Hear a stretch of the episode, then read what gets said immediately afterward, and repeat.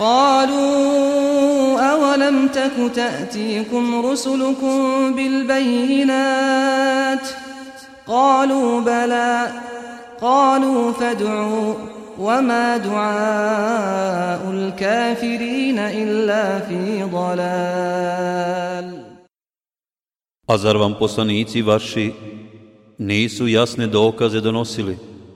Upitaće oni. Jesu, odgovorit će. Molite onda vi, reći će oni. Ali će molba oni koji nisu vjerovali uzaludna biti. Kazivanje, Kazivanje o Allahovim vjerovjesnicima. Kazivanje o Hudu, alaihisselam. Kur'ansko kazivanje o Hudu, alaihisselam, spomenuto je u surama Al-A'raf, Hud, Al-Mu'minun, Es-Su'ara, Fussilat, Al-Ahkaf, El-Zariyat, El-Najm, Al-Qamar, Al-Haqqa i El-Fajr. Čak je jedna sura nazvana po njemu.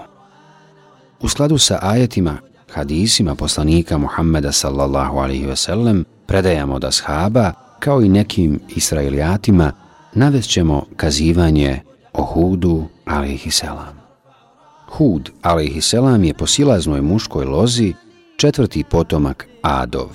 Ad je sin Ausov, on sin Iremov, on sin Samov, a on je sin Nuha alaihi selam.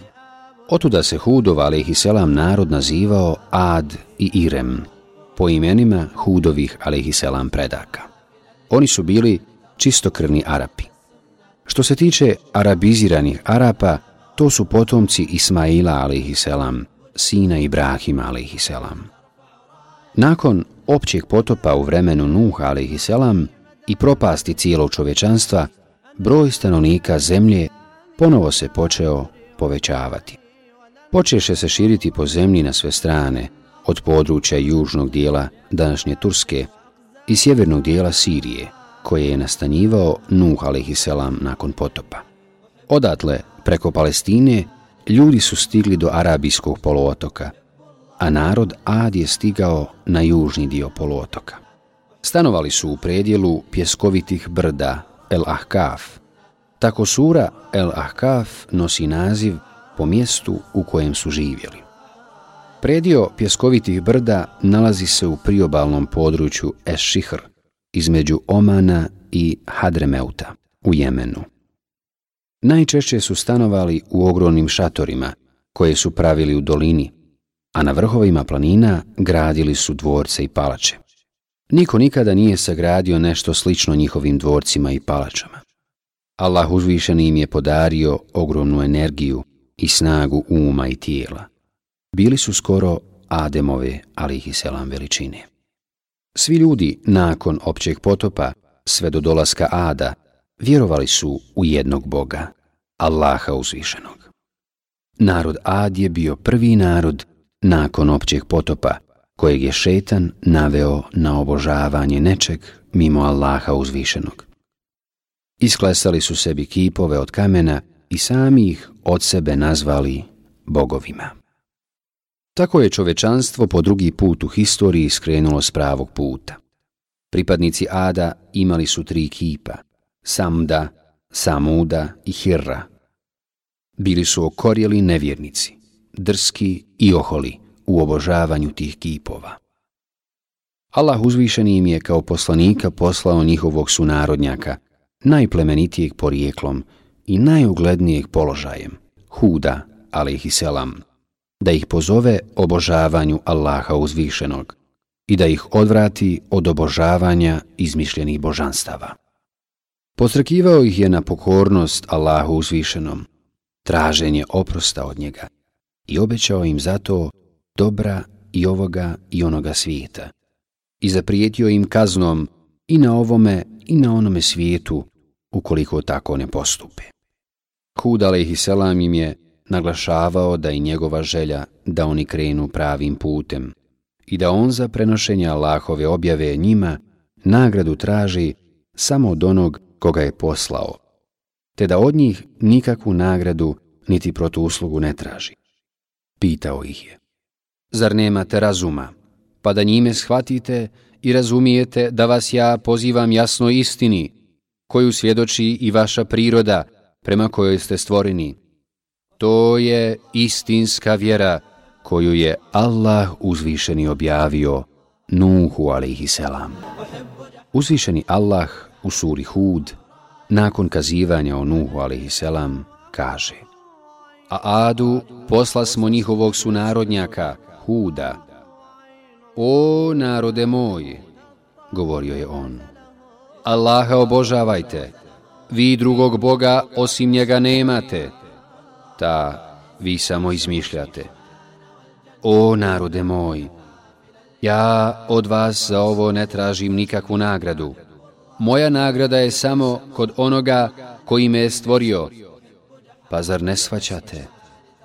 O narode moj, tražite oprost od svoga gospodara i pokajte mu se, pa će vam on slati obilnu kišu i daće vam da budete još snažniji nego što ste sada i ne odlazite kao zlikovci. Međutim, oni su tvrdili da je ono čemu ih je Hud a.s. pozivao neznanje u odnosu na njihovo obožavanje kipova. Pored toga, smatrali su da Hud a.s. laže kada tvrdi da ga je Allah uzvišeni poslao. Uzvišeni Allah kaže Glavešine iz njegova naroda koje nisu vjerovale, odgovarale su mu Mi zaista smatramo da si ti neznalica i mi mislimo da si ti lažljivac. Hud, ali selam je negirao njihove lažne optužbe riječima. Nije tačno to što govorite, nego vam ja donosim istinu od Allaha uzvišenog, stvoritelja i vlasnika svega što postoji. Hud, ali selam im je prenosio poruku gospodara svjetova, bez dodavanja ili umanjivanja razgovjetnim i jezgrovitim riječima, u kojima nije bilo nikakvih nejasnoća i proturječnosti, ali su ga ovako teškim stvarima optuživali. O narode moj, govorio je on, nisam ja neznalica, nego sam ja poslanik gospodara svjetova. Ja vam prenosim poslanice svoga gospodara, ja sam vam pouzdan savjetnik. Zar vam je čudno što vam dolazi uputa od vašeg gospodara preko jednog čovjeka od vas, da vas opominje? Hud, alaihissalam, ih je podsjećao na to da su oni od potomaka vjernika iz Nuhovog, alaihissalam, naroda, koje je Allah uzvišeni spasio pri općem potopu.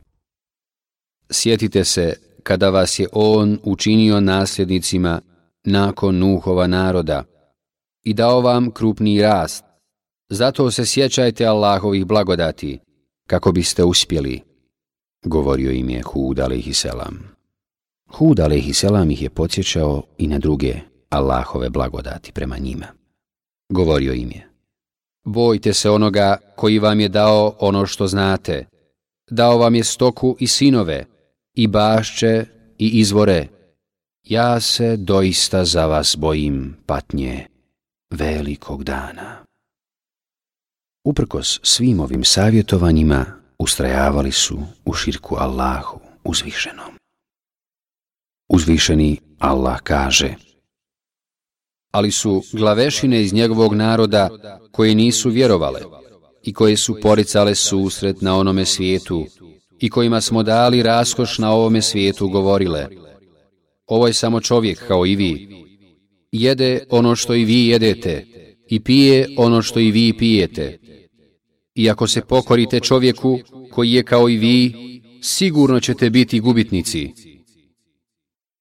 Smatrali su da je nemoguće da Allah uzvišeni pošalje čovjeka kao poslanika. Ovu sumnju su iznosile mnoge neznalice, nevjernici, prije, a i sada. Zato im je Hud, alaihissalam, govorio. Nemojte se čuditi tome, što vam je jedan od vas poslan kao poslanik, da bi vas upozorio na Allaha i na susret s njim. Ja sam vam poslanik pouzdani, pa se Allaha bojte i mene slijedite. Uzvišeni Allah kaže Ad je poricao poslanike. Ad je poricao poslanstvo Huda, alaihisselam Ali se njihovo poricanje Hudovog, alaihisselam poslanstva odnosi i na ostale Allahove poslanike. Jer onaj ko ne vjeruje u jednog poslanika, kao da ne vjeruje ni u jednog. Jer među njima nema nikakve razlike kad je u pitanju dužnost vjerovanja u njih. Hudov, alaihissalam, narod nije vjerovao ni u sudnji dan i nijekali su proživljenje tijela nakon što postanu prašina. I govorili su, materice rađaju, a zemlja guta, jedni ljudi umiru, a drugi se rađaju.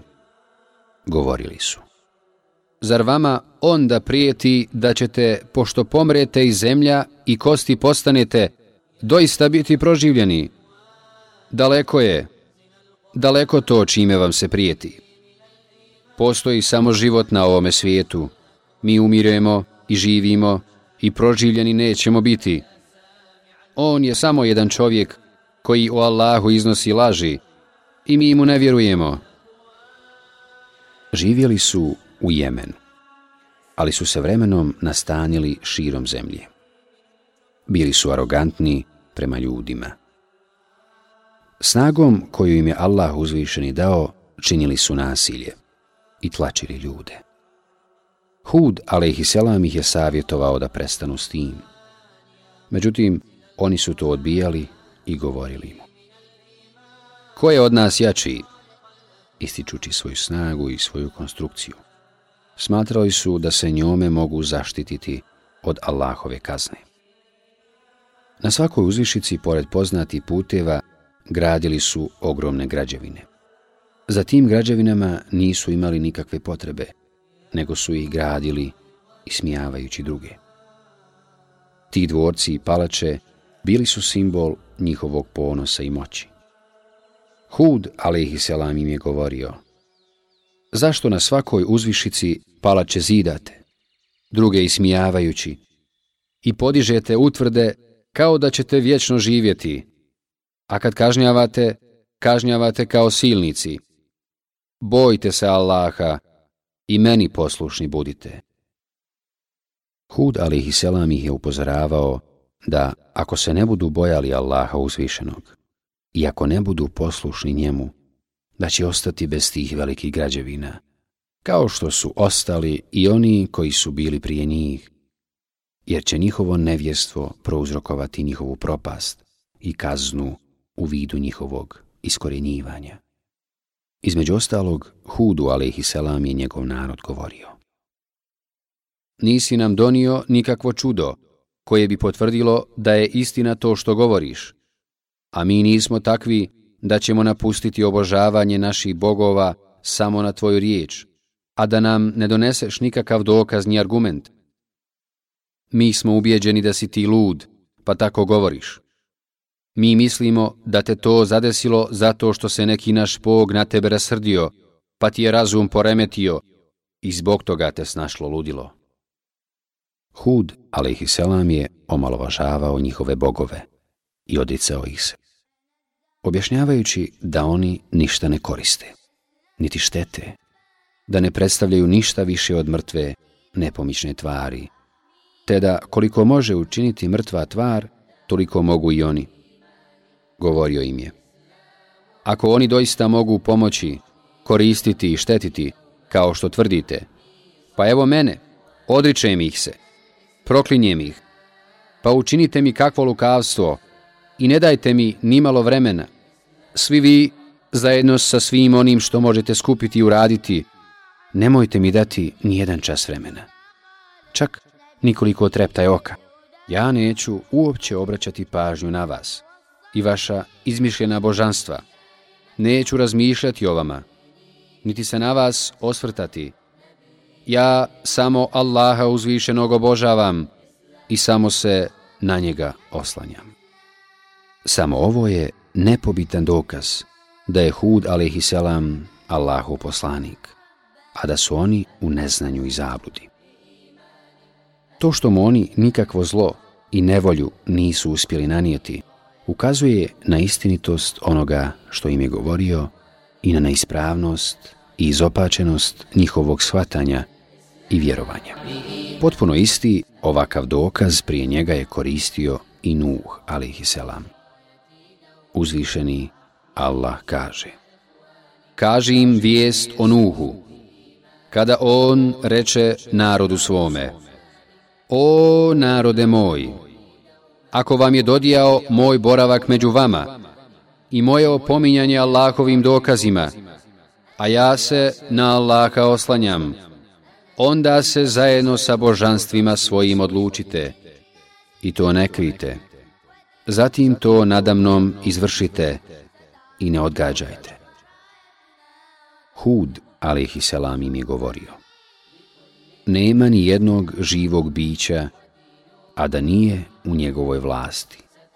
Moj gospodar zaista pravedno postupa. A ako se vi okrenete, pa ja sam vam već prenio ono što vam je pomeni poslano. Moj gospodar će neki drugi narod umjesto vas dovesti. I vi mu nimalo nećete moći nauditi. Doista, moj gospodar nad svakom stvari bdije. Međutim, oni su odbijali prihvatiti istinu i uporno ostajali u zabludi. U laž su ga utjerivali, prkosili mu i ružno govorili o njemu. I samo ga je mali broj slijedio, krijući svoj iman. Oni su mu između ostalo govorili. Zar si nam došao zato da samo Allaha obožavamo, a da ostavimo ono što su naši preci obožavali? Daj nam to čime nam prijetiš, ako istinu govoriš. Nama je sve jedno, savjetovao ti nas ili ne savjetovao. Ovako su vjerovali i drevni narodi i mi nećemo kažnjeni biti. On im je odgovarao. Na vas je već pala kazna i srđba vaše gospodara i vi ste to sa tim riječima već zaslužili. Zar se vi sa mnom prepirjete ovim kipovima koje ste vi i vaši preci proglasili bogovima, a o kojima Allah nikakav dokaz nije objavio. Zato pričekajte Allahovu kaznu koja će vas zadesiti, a ja ću s vama čekati. Gospodaru moj, reče on, pomozi mi, jer me u lažu tjeruju. Uskoro će se oni pokajati, odgovori on. Nakon njihovog neprihvatanja istine i nevjerovanja, Allah uzvišeni im je uskratio kišu, tri godine, što ih je do kraja istrpilo. U tom njihovom stanju iščekivanja kiše, Allah uzvišeni je prema njima poslao vjetar. Vjetar je puhao iz smjera zapada. Ibn Ebu Hatim prenosi od Ibn Omera radi Allahu an, da je poslanik sallallahu alaihi wasallam rekao Allah nije otvorio izlaz vjetru kojim je ad uništen, ništa više od veličine prstena.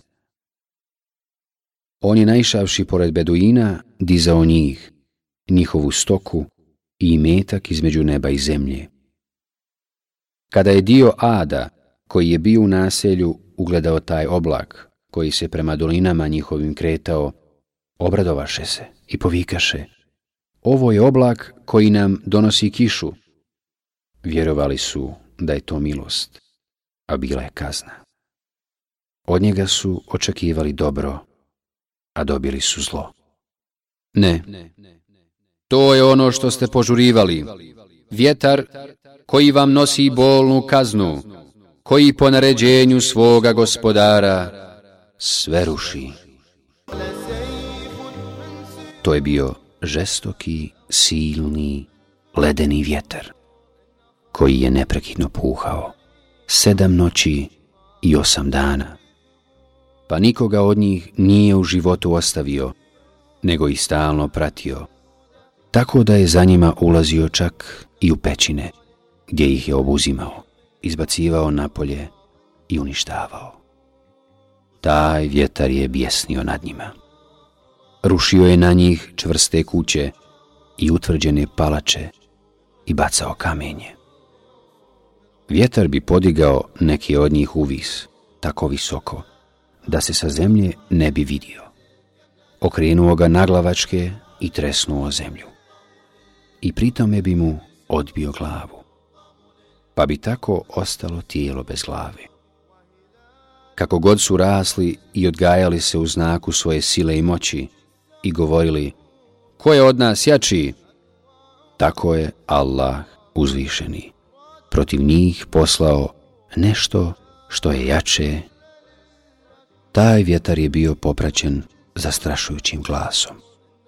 Uzvišeni Allah kaže I njih je s pravom pogodio strašan glas. Pa smo ih kao nanos riječni učinili. Daleko bio narod nasilnički.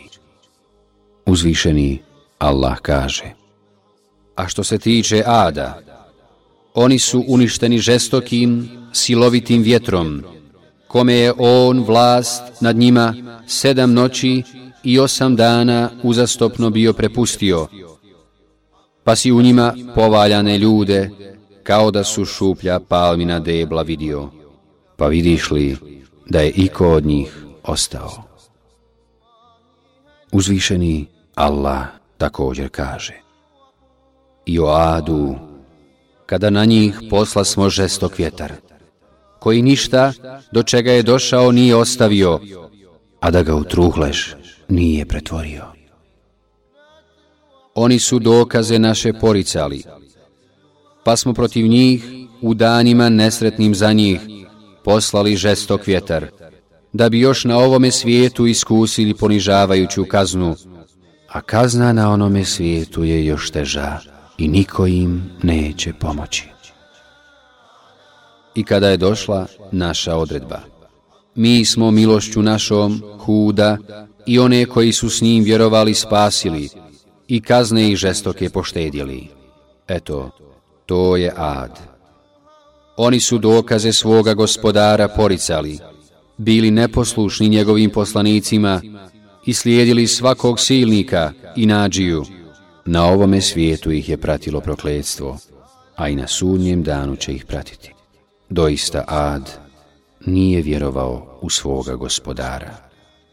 Daleko neka je Ad, narod Hudov.